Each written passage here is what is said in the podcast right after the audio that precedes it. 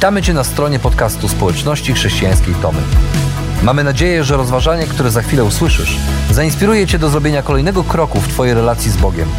Bo w naszej społeczności zapraszamy wszystkich do relacji z Chrystusem, który zmienia wszystko. Dziękujemy za Twoje zainteresowanie i zapraszamy Cię do polubienia naszego profilu na Facebooku, Instagramie i YouTubie oraz ściągnięcia darmowej aplikacji na smartfona. Dobrego słuchania.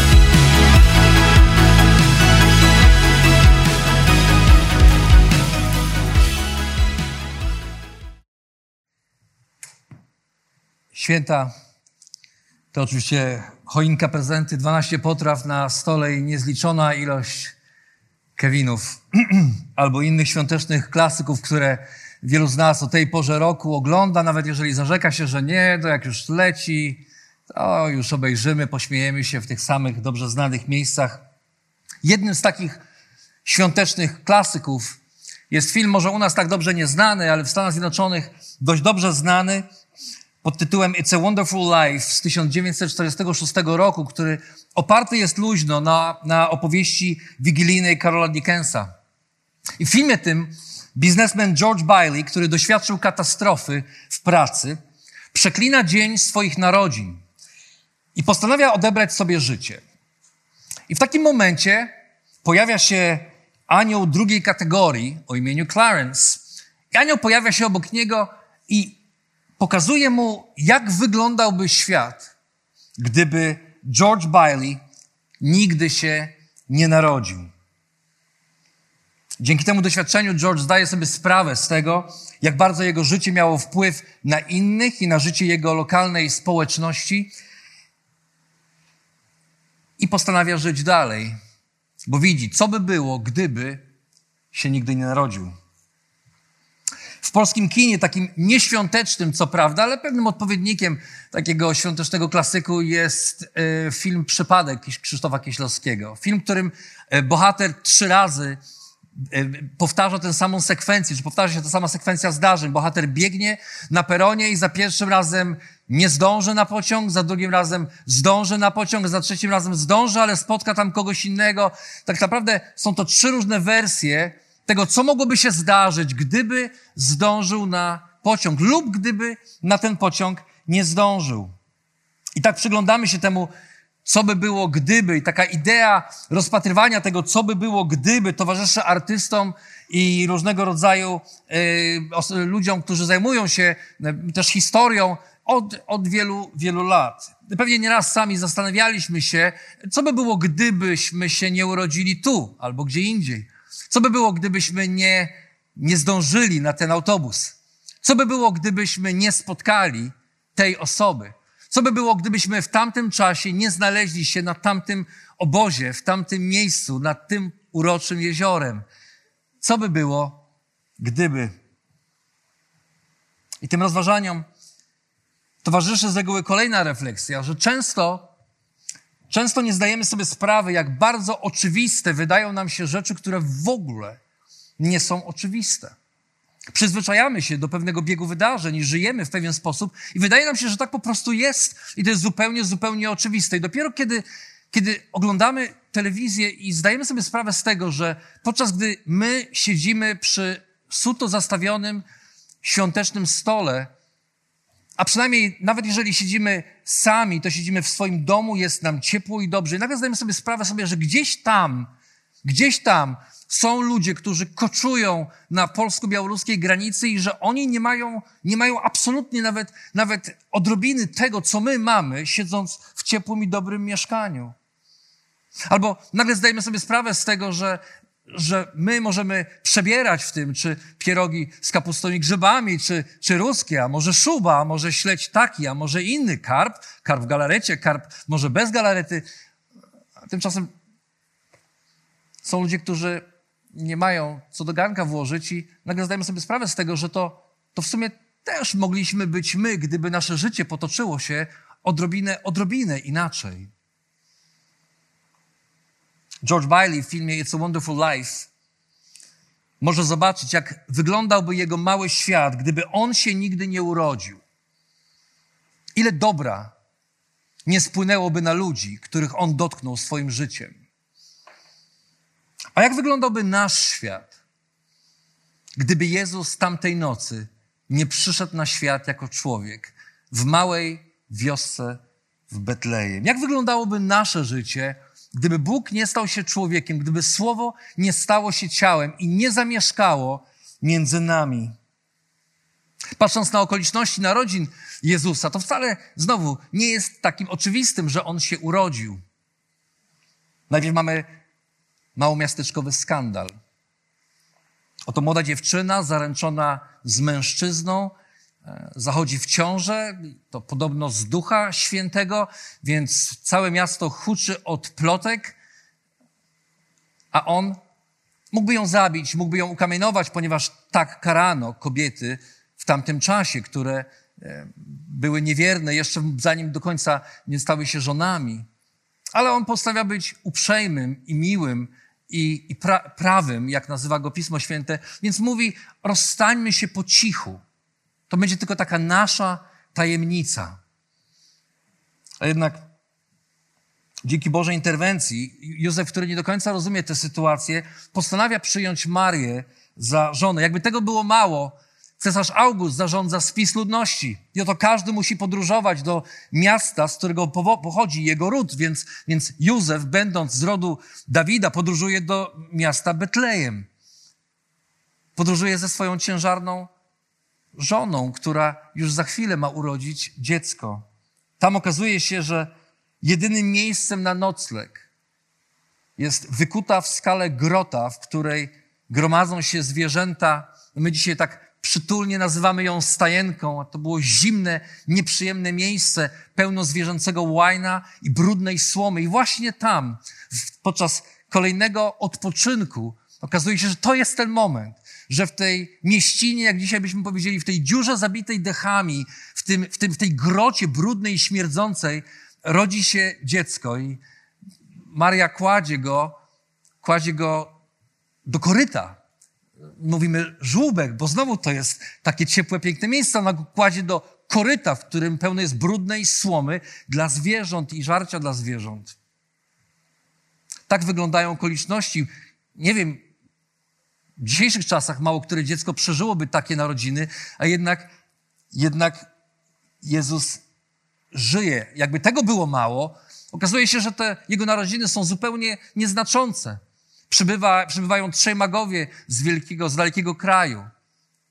Trzej magowie, którzy przybywają i którzy tak naprawdę według prawa mojżeszowego nie mieli prawa tam być, ponieważ prawo mojżeszowe zakazywało czarów, a magowie parali się astrologią, czyli czarami. I tak im wyszło, tak im wyszło, że to musi być tam i w tym miejscu i podążali za jakąś gwiazdą i dotarli właśnie na to miejsce. I znaleźli się tam, gdzie nie znalazł się nikt oprócz nich i paru prostych pasterzy. My mówimy pastuszkowie. No, to tacy pastuszkowie jak dzisiaj, a już nie będę przymierzał do kogo, ale powiedzmy sobie tak bardzo ogólnie, czy bardzo eufemistycznie, że to tacy prości ludzie o wątpliwej reputacji, którzy parali się pasaniem owiec. Dopiero później termin pasterz dzięki Jezusowi zyskał zupełnie innego znaczenia. To byli, to byli prości ludzie, którzy całe noce spędzali gdzieś tam na dworzu i, i nie było w tym żadnej chluby ani nic wielkiego.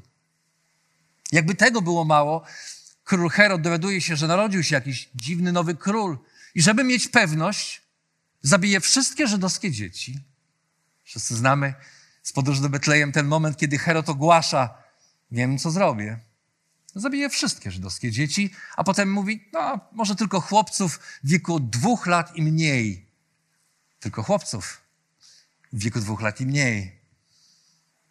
I nastaje krzyk i płacz w całej Judei, ponieważ dzieci są mordowane. Żołnierze wchodzą do domów, wyciągają dzieci, mordują je na oczach rodziców, a Maria i Józef razem z Jezusem muszą uciekać do Egiptu. Okazuje się, że same narodziny Jezusa, chociaż zapowiadane przez proroków i otoczone cudownymi wydarzeniami, wcale nie były takie oczywiste. A ci z nas, którzy deklarują się jako naśladowcy Jezusa, wierzą w to, co nazywamy Bożą suwerennością. To znaczy, że Bóg zrobi to, co powiedział, że zrobi, pomimo okoliczności, że kiedy Bóg chce przeprowadzić swój plan, to nikt i nic nie jest w stanie go zatrzymać. Ale, Ale być może są wśród nas też tacy, którzy niekoniecznie podzielają wiarę w to, że Jezus był tym, kim mówił, że był. I dla nas, dla tych z nas, którzy wątpią w istnienie Boga, być może zastanawiamy się nad tym, że naprawdę tak niewiele brakowało, żeby Jezus wcale się nie urodził, a na pewno nie został tą postacią, którą został. Tak czy siak. Jedni i drudzy. Zarówno ci z nas, którzy wierzą w Jezusa, jak i ci z nas, którzy w Niego wątpią albo w Niego w ogóle nie wierzą, jedni i drudzy często nie zdają sobie sprawy z tego, jak zmienił się świat, albo w jakim świecie żylibyśmy dzisiaj, gdyby Słowo nie stało się ciałem i nie zamieszkało pośród nas. Jeszcze zanim Jezus miał się narodzić, anioł przemówił do Józefa: Józefie, potomku króla Dawida, nie bój się ożenić z Marią, twoją narzeczoną, bo to Duch Święty sprawił, że poczęła dziecko. Urodzi syna, któremu nadasz imię Jezus, czyli Bóg zbawia, bo to On wybawi od grzechów swój naród. I stało się tak, aby wypełniło się to, co Pan przepowiedział przez proroka, proroka Izajasza. Oto dziewica pocznie i urodzi syna i nazwą go Emanuel, co znaczy Bóg jest z nami. I gdy Józef się obudził, zgodnie z poleceniem anioła przyjął Maryję jako żonę swego domu. Nie współżył z nią jednak aż do czasu, gdy rodziła syna i dał mu na imię Jezus. Ale co to tak naprawdę znaczy Bóg z nami? Co to znaczy dla mojego i dla Twojego świata, w którym na co dzień żyjemy, że Bóg zamieszkał jako człowiek pośród nas? Że Emanuel, Bóg jest z nami. Patrząc na, patrząc na to, gdzie jesteśmy dzisiaj, możemy o tym nie wiedzieć, ale zarówno wierzący w Jezusa, jak i niewierzący w Niego oddychamy tym, co przyszło wraz z pojawieniem się Jezusa na ten świat. Gdyby Jezus się nie narodził, świat, jakim znamy go dzisiaj, zupełnie by nie istniał. Po pierwsze, Bóg rodzi się jako człowiek. Gdyby Bóg nie był z nami, Gdyby Bóg nie był Emanuelem, gdyby Bóg nie był z nami, gdyby nie narodził się w Betlejem jako człowiek, jako taki sam człowiek, jak ty i ja, z krwi i kości, nasze zrozumienie człowieczeństwa dzisiaj byłoby zupełnie, zupełnie inne. W znanej również w Polsce deklaracji niepodległości Stanów Zjednoczonych czytamy taką preambułę.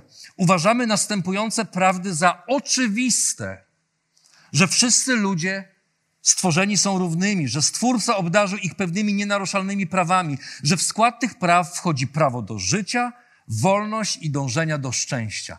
Naprawdę? My dzisiaj poruszamy się w świecie, w którym są to rzeczy oczywiste, ale to są słowa wypowiedziane 200-300 lat temu. 2000 lat temu panowało zupełnie inne zrozumienie człowieka, a na pewno już inne zrozumienie godności człowieka. Godność człowieka była powiązana z jego wielkością. Kiedy ktoś był artystą albo był władcą, był, był uznanym żołnierzem, wtedy miał pewną godność. Każdy inny, im niżej w drabinie społecznej, tym mniej był godny, tym łatwiej można było go zniszczyć, odsunąć, pozbyć się, pozbyć się go. Słynny grecki filozof Arystoteles, z którego czerpie cała współczesna nauka i filozofia, Głosił przekonania, że nierówności pomiędzy ludźmi to nie tylko naturalna kolej rzeczy, ale podstawa porządku społecznego opartego na niewolnictwie. Mówił tak: To, że jedni powinni rządzić, a inni być rządzeni, jest nie tylko konieczne, ale i korzystne. Od chwili swoich narodzin, uwaga, jedni są wyznaczeni do poddaństwa, a inni do rządzenia. Uznajemy te prawdy za oczywiste. Naprawdę? To, że dzisiaj w ogóle mówimy o prawach człowieka w naszym świecie, to, że zajmuje nas życie innych ludzi gdzieś tam, jest nierozerwalnie związane z wpływem Chrystusa na nasz świat, bo to Bóg staje się człowiekiem, wszechmogący król staje się jednym z nas, staje się człowiekiem i od tego momentu każdy człowiek ma godność królewską, niezbywalną godność, której nikt i nic nie jest w stanie mu zabrać. Nicolas Wolterstorff Filozof z Uniwersytetu Yale zauważył, że przez całą historię świata człowiek miał tendencję do tak zwanej plemienności. To znaczy, my mamy naturalną tendencję do tego, żeby zbierać się z ludźmi, którzy są tacy jak my i odsuwać ludzi, którzy nie są tacy jak my. I mamy taką tendencję, żeby pewne prawa przyznawać ludziom takim jak, na, jak, jak my, ale pewnych ludzi traktować, przykładać inną miarę do ludzi, którzy są inni od nas. I zapytany, co w takim razie, na przekór doświadczeniu ludzkiej natury, każe nam żyć w przekonaniu, że każda istota ludzka ma godność i niezbywalne prawa, takie jak my. Wolterstorff udziela jednoznacznej odpowiedzi. Nauczanie Pisma Świętego. Jezus podczas swojej służby przekracza różne bariery społeczne. Idzie do Dekapolis, do Pogan, po drugiej stronie jeziora Genezaret. Idzie do, do Tyru i Sydonu na północ tam, gdzie żaden Żyd nie chodził, a już brońcie Boże, żeby miał przejść ktokolwiek przez Samarię, z którymi Żydzi nie, nie spędzali czasu. A Jezus, czytamy w Ewangeliana, musiał przejść przez Samarię i spotyka się z Samarytanką, z kobietą, która miała pięciu mężczyzn. Zapomniała już w ogóle, czy to, czy to w ogóle jest jej mąż jeszcze, czy to już tylko partner, z którym żyje i jej zdradza największe sekrety tego, czym będzie, jak będzie wyglądał świat, tego, co Bóg dokona przez niego w tym świecie. Jezus przekracza kolejne granice, pokazuje, że każdy człowiek jest tak samo ważny w oczach Boga, a fakt narodzenia się Boga w ciele jako człowieka jeszcze bardziej to podkreśla. Bóg stworzył człowieka na swoje podobieństwo.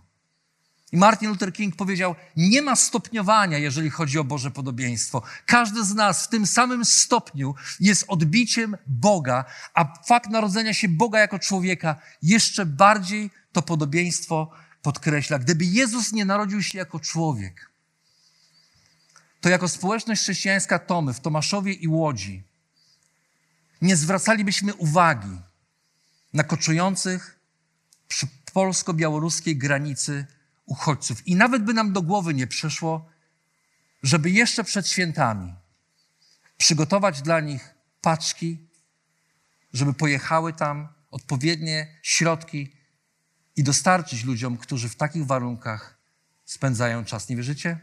To sami popatrzcie. Brawa dla tych odważnych ludzi, którzy zapakowali te wszystkie rzeczy i pojechali tam właśnie na granicę. Ale gdyby Jezus nie narodził się jako człowiek, nic by nas nie obchodził inny. Inny obchodzi nas tylko dlatego, że każdy człowiek w oczach Boga ma godność, bo Bóg stał się człowiekiem. Tak wyglądał tamten świat. Ale to nie wszystko. Gdyby Bóg nie był z nami, gdyby nie narodził się w Betlejem jako dziecko, nasze myślenie o dzieciach byłoby zupełnie inne. A Bóg rodzi się jako dziecko. My żyjemy w czasach, w których nasze kalendarze zwariowały na punkcie dzieci. Nasz plan tygodnia jest ułożony według zajęć naszych dzieci, szkoły naszych dzieci, zajęć pozalekcyjnych. Kupujemy zabawki, prezenty, e, hołubimy je, robimy wszystko, żeby wyszły na ludzi. Każdy z nas, już nie tylko tak jak kiedyś, tylko jakaś osoba jest jedna e, włączona w proces wychowania dzieci. Już nie tylko nie oddajemy je tak po prostu komuś, ale i mama od jakiegoś czasu, nie tak znowu dawna, i również tata, rodzice razem wychowują dziecko, są włączeni w ten proces. I myślimy sobie, że tak zawsze było, że świat Walta Disneya i bajek i tego pięknego, kolorowego świata z obrazkami, ze zdjęciami z dzieci bawiących się razem i, i kochających y, swoich rodziców i rodziców kochających swoje dzieci był oczywistym światem. Te wszystkie rzeczy były obce światu, zanim Bóg narodził się jako dziecko. Był to świat, w którym słowo dziecko oznaczało ktoś, kto nie mówi. Stąd pewnie dzisiaj mamy to powiedzenie: dzieci i ryby głosu nie mają. W Imperium Rzymskim w czasach narodzenia Jezusa o życiu dziecka decydowała głowa domu i miała na to uwaga 8 dni od momentu narodzin. Głowa domu mogła zdecydować, mąż, ojciec mógł zdecydować, pan domu, nawet niekoniecznie ojciec, pan domu mógł zdecydować, bierzemy czy nie bierzemy, pozwolimy żyć czy wyrzucimy na śmietnik. Dosłownie tak. Żyjący w pierwszym wieku po Chrystusie, grecki filozof Plutarch powiedział, do tego czasu, w ciągu tych ośmiu dni, do tego czasu dziecko było bardziej jak roślina niż istota ludzka. Dzieci niechciane w Imperium Rzymskim były zostawiane na śmierć. Nazywało się to po angielsku, się to exposure, po polsku wystawienie. Dzieci były wystawiane, wykładano je po prostu na śmietniku, gdzieś w jakimś, gdzieś na poboczach, zostawiano je, wystawiano. Może ktoś się nim zajmie, może nie. W sumie temu, kto wystawiał to dziecko, było to kompletnie obojętne. Co decydowało o tym, że dzieci były wystawiane? Różne rzeczy. Czasem była to bieda, ale czasem była to kwestia dziedziczenia.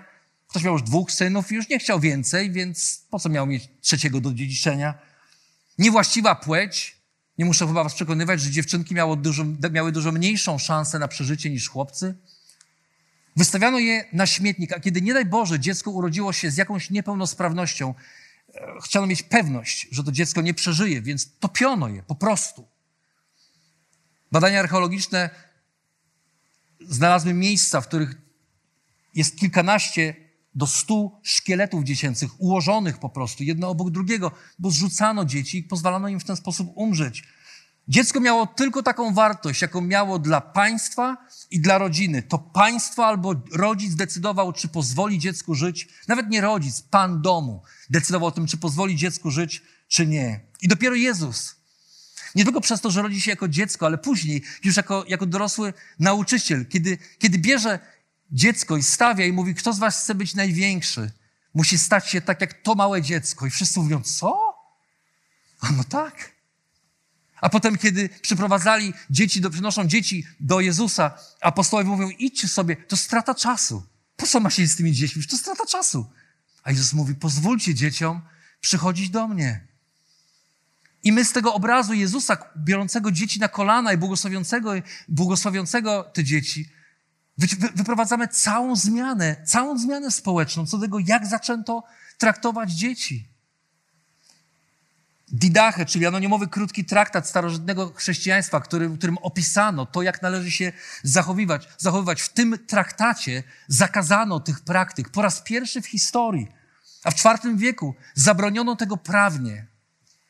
Długość życia w tamtym czasie wynosiła około 30-40 lat, więc mnóstwo dzieci zostawało po prostu sierotami. I nie było nikogo, kto by się nimi zajął. Pierwszymi, którzy zaczęli się nimi zajmować, byli wierzący w Jezusa naśladowcy. Oni pierwsi wyciągnęli swoje ręce do bezbronnych dzieci. Oni pierwsi, idąc za wskazaniami swojego mistrza, zaczęli zabierać dzieci ze śmietników, zaczęli przygarniać je, zaczęli tworzyć sierocińce, miejsca, w których wychowywały się, wychowywały się do dzieci. Gdyby Jezus nie narodził się na tej ziemi, nie mielibyśmy żadnego powodu, aby troszczyć się o nasze dzieci, a zwłaszcza o dzieci, które w pewnym sensie, wiem, że to nieładnie zabrzmi, ale o dzieci, które po prostu nasze nie są. A już na pewno nie o dzieci, które wychowały się w trudniejszych rodzinach, w których ludzie zmagają się z tym, żeby związać koniec z końcem. Nic, nic by nas to nie obchodziło. To, że w ogóle, to, że w ogóle mamy świetlicę środowiskową i prowadzimy ją, jest wyrazem naszej troski o dzieci. Jest to kompletnie nieoczywiste w czasach, kiedy narodził się Jezus i nie robilibyśmy takich paczek i nie robiliśmy, nie robilibyśmy takich spotkań dla dzieci, jakie za chwilę zobaczycie, gdyby nie to, że Jezus przyszedł na ten świat i urodził się jako dziecko. I wszyscy wiemy, że nie chodzi o prezenty, ale z drugiej strony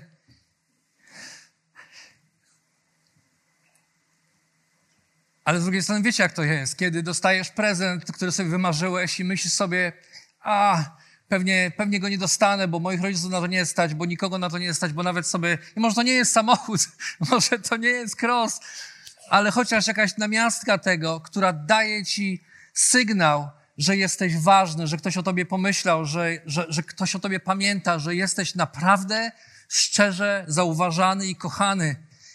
I dla każdego z dzieci, z nasze, dla dzieci z naszych, naszej świetlicy środowiskowej, każda paczka, którą przygotowaliście w tym roku, jest na wagę złota, bo to nie tylko chodzi o obecność poprzez tę paczkę, obecność nawet kogoś z Was, ale każda z tych paczek, każdy z tych prezentów jest przypomnieniem największego prezentu, jaki w ich życiu przyniósł Jezus.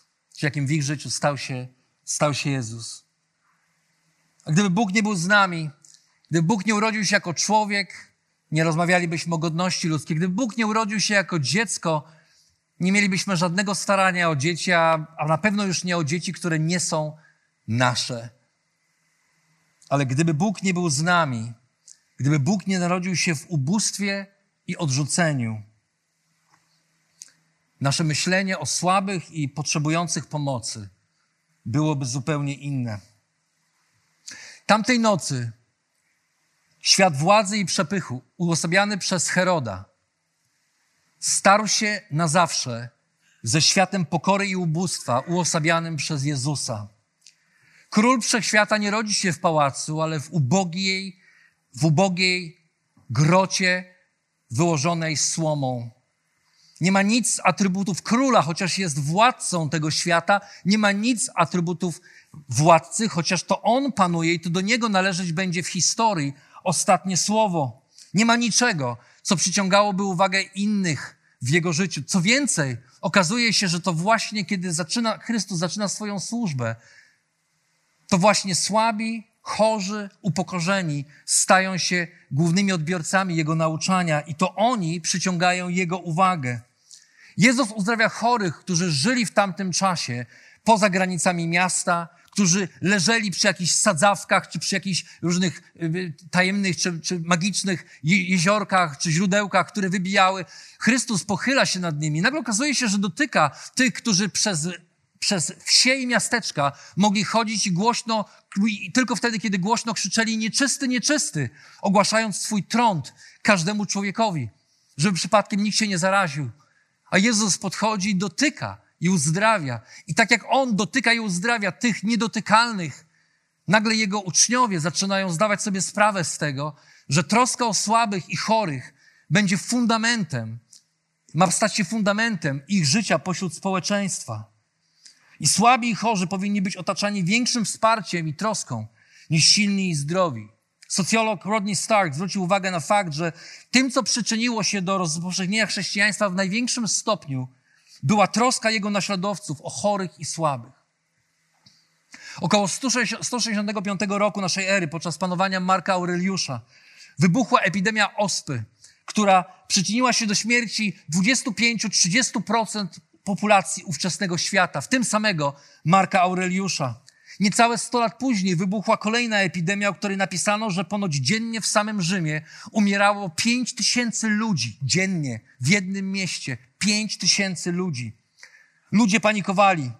Jak to napisał John Ortberg, opisujący życie Jezusa i jego wpływ na historię świata, w pismach Homera nie było żadnych wskazówek, a grecki bóg Zeus milczał na temat tego, jak troszczyć się o innych, ryzykując swoje własne życie. Koniec cytatu. Grecki historyk Tukides pisał, ludzie umierali i nikt się o nich nie troszczył. Całe domy wymierały, ponieważ nie było żadnej opieki. Ciała układano na kupie jedno na drugim. Podobnie było w Rzymie. Na początku epidemii wyrzucano chorych na ulicę, używając ciała dopiero co zmarłych ludzi jako utwardzenie dróg. W takim świecie pojawia się Chrystus, który rodzi się w ubóstwie i biedzie w tym świecie pojawia się po nim grupa ludzi, która pamiętała, że ich nauczyciel dotykał trędowatych, uzdrawiał chorych i nakazywał kochać bliźniego jak siebie samego. Dionizy, biskup Aleksandrii z III wieku, napisał o naśladowców Chrystusa z czasów epidemii. Nie bojąc się, to jest cytat, nie bojąc się śmierci, troszczyli się o chorych, pomagali im w ich potrzebach, służyli im w imieniu Jezusa, a też razem z nimi umierali, ale z radością, bo bywali zarażeni przez chorych nosząc na sobie choroby swoich bliźnich i z radością znosząc swój ból. Tak powstały pierwsze szpitale, przytułki dla trendowatych. To nie świat wymyślił DPS-y, domy pomocy społecznej. To nie przyszło razem z, z nastaniem lewicowego sposobu myślenia. To było początkiem, czy początkiem tego było zwrócenie się ku słabym i samotnym i przetrąconym i upokorzonym, i chorym przez naśladowców drogi, jak nazywano chrześcijan w pierwszych wiekach po Chrystusie. Inny ojciec kościoła, Grzegorz z Nysy, napisał: Trędowaci zostali stworzeni na Boże podobieństwo. Nieprawdopodobne stwierdzenie w tamtym czasie. Trędowaci na Boże podobieństwo? W czasach, w czasach, kiedy rządziła grecka muskulatura albo rzymski oręż? Trędowaci? Można by godzinami opowiadać o ludziach takich jak Jean-Henri Dunant, szwajcarski filantrop i naśladowca Jezusa, który w drugiej połowie XIX wieku, nie mogąc znieść krzyków i wołań żołnierzy na polu walki, którzy, którzy byli e, zranieni, ale nie martwi i umierali z powodu ran, wykrwawiali się na śmierć. On, nie mogąc tego znieść, założył organizację, którą my dzisiaj znamy jako Czerwony Krzyż. Czerwony Krzyż to organizacja, która wyrosła z chrześcijańskiego światopoglądu, z chrześcijańskiej troski o człowieka, z niesienia pomocy w najtrudniejszych miejscach. Albo ojciec Damien, który zamieszkał na, wraz z trędowatymi na wyspie Molokai, mając 20 parę lat, odpowiedział na wezwanie biskupa i powiedział, ja pójdę. Było pytanie, kto pójdzie i zamieszka z nimi. Oni byli, byli zsyłani na jedną wyspę. Kilka, kilkuset, potem kilka tysięcy trędowatych ludzi i on pośród nich. I powiedział jako dwudziestoparoletni mężczyzna, ja pójdę. I poszedł i zamieszkał z nimi. I nie tylko budował dla nich szpitale, nie tylko się o nich troszczył, ale budował dla nich szkoły. Po co człowiekowi trędowatemu na wyspie Molokai szkoła? No właśnie po to, że trędowaci są stworzeni na Boże podobieństwo, mają mieć godność. Mają godność. I on robił wszystko, żeby oni wiedzieli, że mogą żyć jak ludzie, którzy trądu nie mają. I swoje kazania często zaczynał, mówiąc: Bóg kocha was, trędowatych, aż pewnego dnia stanął tak jak my dzisiaj na, na nabożeństwie niedzielnym, spojrzał i powiedział: Bóg kocha nas, trędowatych. Bo okazało się, że sam zaraził się trądem i umarł pośród tych, którym służył przez całe swoje dorosłe życie. To troska o słabych i potrzebujących wyróżniła chrześcijan w oczach świata. Gdyby Jezus się nie narodził, nie mielibyśmy, nie łudźmy się, że to jest wpisane w naszą ludzką naturę. Nie jest. Nie jest. W naszą ludzką naturę mamy, mamy wpisaną troskę o siebie samych i tych, którzy są tacy jak my, którzy są jakoś nam bliscy, ale przede wszystkim o siebie samych. A Chrystus przychodzi, rodzi się w tym świecie i wypycha nasze myślenie i mówi: Są inni i ci, którzy są potrzebujący, o nich macie się troszczyć, o nich. To dlatego niektórzy z nas w Wigilię Boże, Świąt Bożego Narodzenia decydują się, że zanim zasiądą do wigilijnej kolacji w Piotkowie, pójdą i usiądą z tymi, którzy nie mają z kim usiąść. I razem z nimi spożywają wigilijną kolację od 12 godziny z tymi samotnymi, którzy przychodzą i siedzą z nimi, rozmawiają i przynoszą jedzenie. Mogliby siedzieć w swoim domu i nikt by im tego nie zarzucił. Większość z nas siedziała w swoich domach. Większość z nas wyjeżdżała, była z rodzinami i nic z tym złego. Ale niektórzy z nas tego dnia postanowili zatroszczyć się o innych. Jeszcze inni zapraszali do swojego domu tych, którzy są chorzy, którzy są samotni. To nie jest normalne. Gdyby Jezus się nie narodził, nie mielibyśmy żadnego powodu, aby robić świąteczne paczki dla osób uzależnionych w ośrodkach, dla osób bezdomnych, dla kobiet, ze schroniska dla bezdomnych kobiet w Łodzi. Nie mielibyśmy żadnego powodu, nie obchodziliby nas ci ludzie w ogóle. Ale dzięki Waszej hojności i dzięki temu, że Chrystus przemienił Twoje i moje życie, ponad 200 osób w czterech miejscach w Polsce mogło otrzymać takie oto paczki. Pewnie, myślę sobie, wielu z nas ma powód do tego, aby spojrzeć gdzieś wstecz i zwłaszcza z tej takiej perspektywy, mając tą świadomość tego, co Bóg uczynił w świecie, kiedy sprowadzimy to do naszego życia, nagle okazuje się, że Bóg jest obecny w naszym życiu. I zanim jeszcze będziemy e, dalej śpiewać i dziękować Bogu za to, co dla nas uczynił, to ważne, że Bóg urodził się jako człowiek i zmienił nasze postrzeganie ludzkiej godności. To ważne, że Bóg narodził się jako dziecko i zmienił nasze postrzeganie tego, co to znaczy być dzieckiem. I to ważne, że Bóg urodził się w ubóstwie i zmienił nasze myślenie o tych, którzy są ubodzy albo chorzy. I pewnie wiele jeszcze innych rzeczy, aspektów życia Jezusa, Jego nauczania można byliśmy, moglibyśmy tu rozpatrywać i zdalibyśmy sobie sprawę z tego, że nasz świat nie byłby taki sam, gdyby nie Jezus z Nazaretu. Ale jest jedna rzecz, e, która domyka ten obraz w sposób niezwykle osobisty. Ktoś kiedyś powiedział, że choćby Chrystus narodził się kilka tysięcy razy na tej ziemi, ale nie narodziłby się ani razu w Twoim życiu. Nie miałoby to żadnego znaczenia w kontekście wieczności. I myślę sobie, że wielu z nas dzisiaj tutaj na tej sali może mówić o tym, jak Bóg przemienił świat wokół nich, ale przede wszystkim Wierzę, wielu z nas ma sporo historii, albo przede wszystkim swoją historię o tym, jak Bóg sprawił, że kiedy narodził się w naszym życiu, to wszystko się zmieniło. Chciałem dzisiaj do mnie, tutaj do przodu poprosić Anię Szystorowską z Piotkowa. Zapraszam Cię, Aniu, bardzo serdecznie.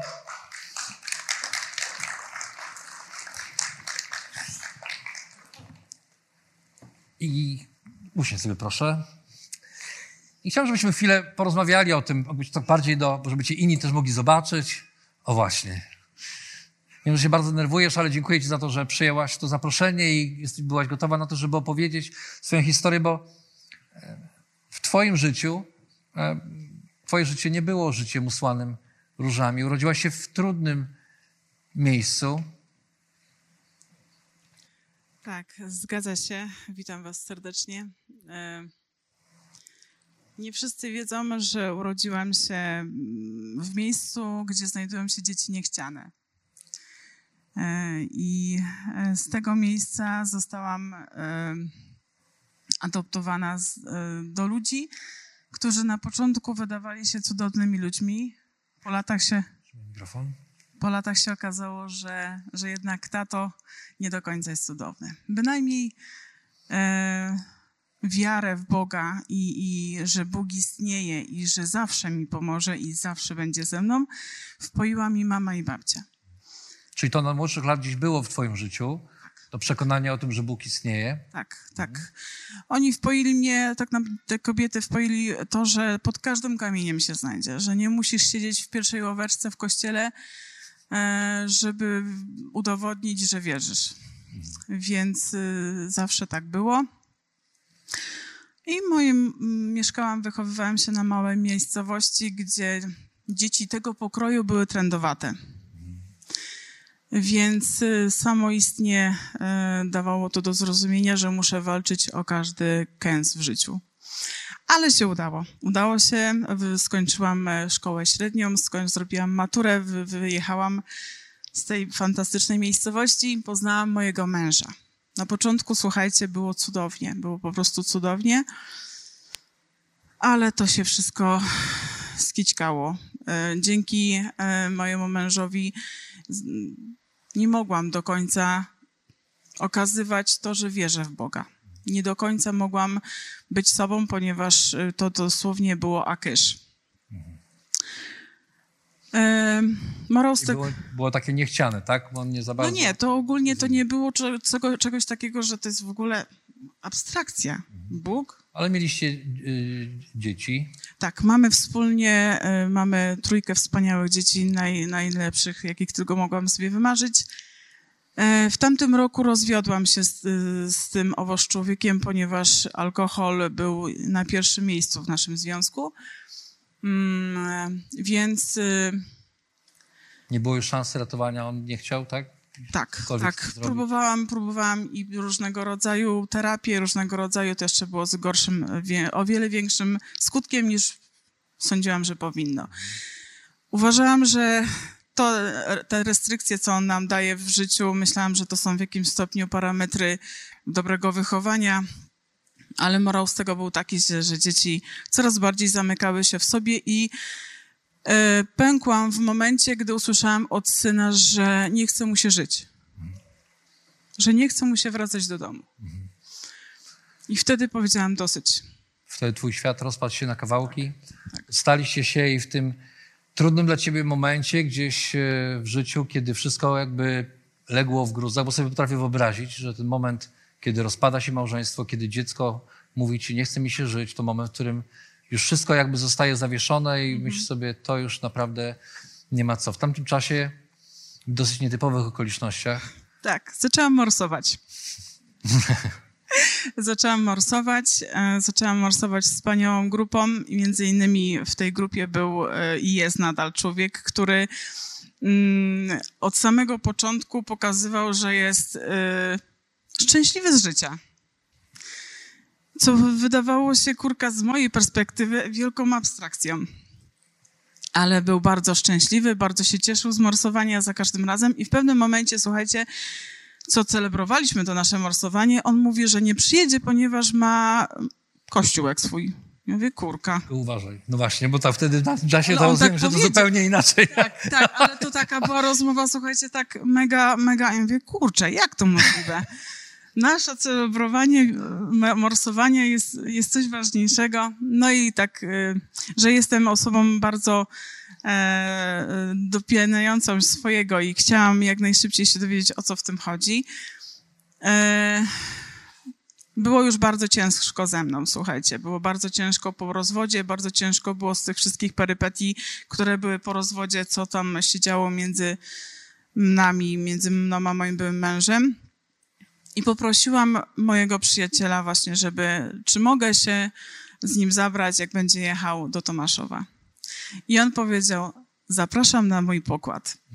I od tamtej pory, od tamtej pory e, jestem, e, przyjaźnię się e, i czuję się naprawdę wspaniale. Od tamtego czasu zaczęłaś też uczestniczyć w nabożeństwach, zaczęłaś rozmawiać też o Bogu więcej. Jesteś co, co sobot, co środa na naszych spotkaniach w Piotkowie, na tak zwanych spotkaniach Midweek, gdzie czytamy Boże Słowo i to są bardzo nowe rzeczy. Czasami to widać, jak bardzo otwierasz oczy i mówisz, ojej, to niemożliwe, że to rzeczywiście jest gdzieś tam w Piśmie Świętym. Ale powiedz Aniu, bo ten ostatnie, ostatni czas też nie był zbyt, y, zbyt radosny dla ciebie. Były mąż zmarł i wiem, że to też bardzo, bardzo przeżywałaś, ale w tamtym czasie też Bóg zaczął rodzić się jakby w twoim życiu. Powiedz, gdybyś dzisiaj miała spojrzeć z pewnej perspektywy czasu, patrząc na to, co zaczęłaś poznawać, kogo zaczęłaś poznawać, w jaki sposób Bóg stał się obecny w twoim życiu, co byś powiedziała?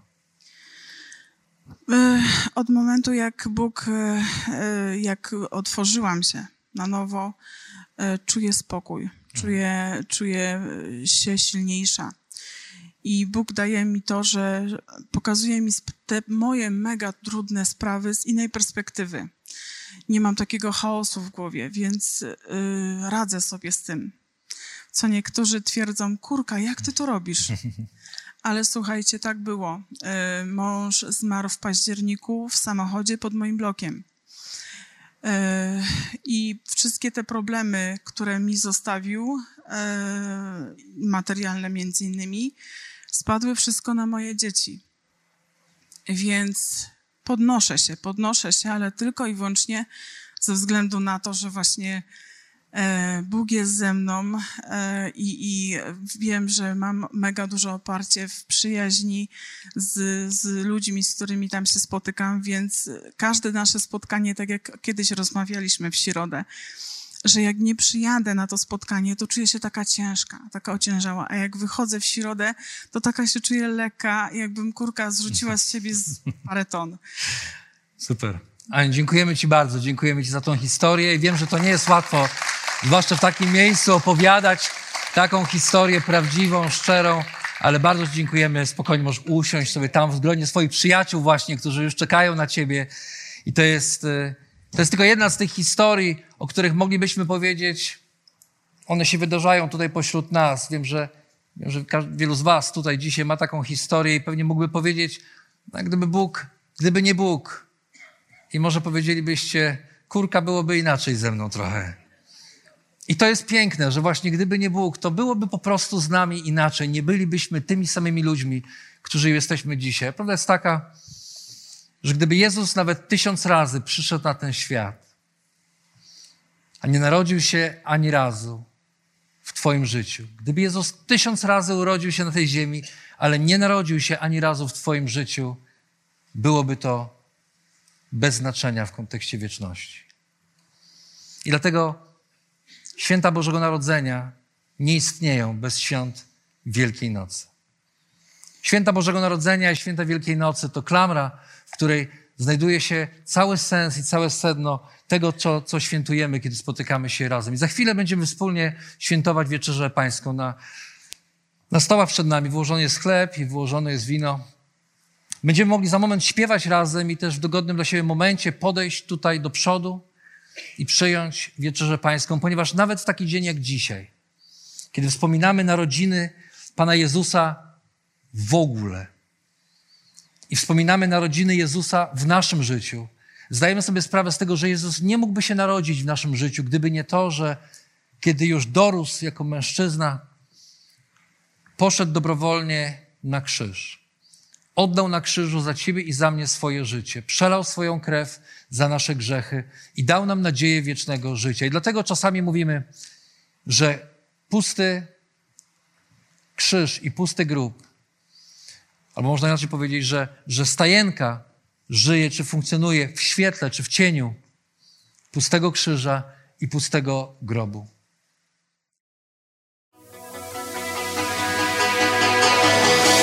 Jeszcze raz dziękujemy za wysłuchanie naszego rozważania. Jeżeli mieszkasz w okolicach Tomaszowa Mazowieckiego lub Łodzi, zapraszamy Cię do odwiedzenia nas na niedzielnym nabożeństwie. Więcej informacji znajdziesz na stronie schatomy.pl.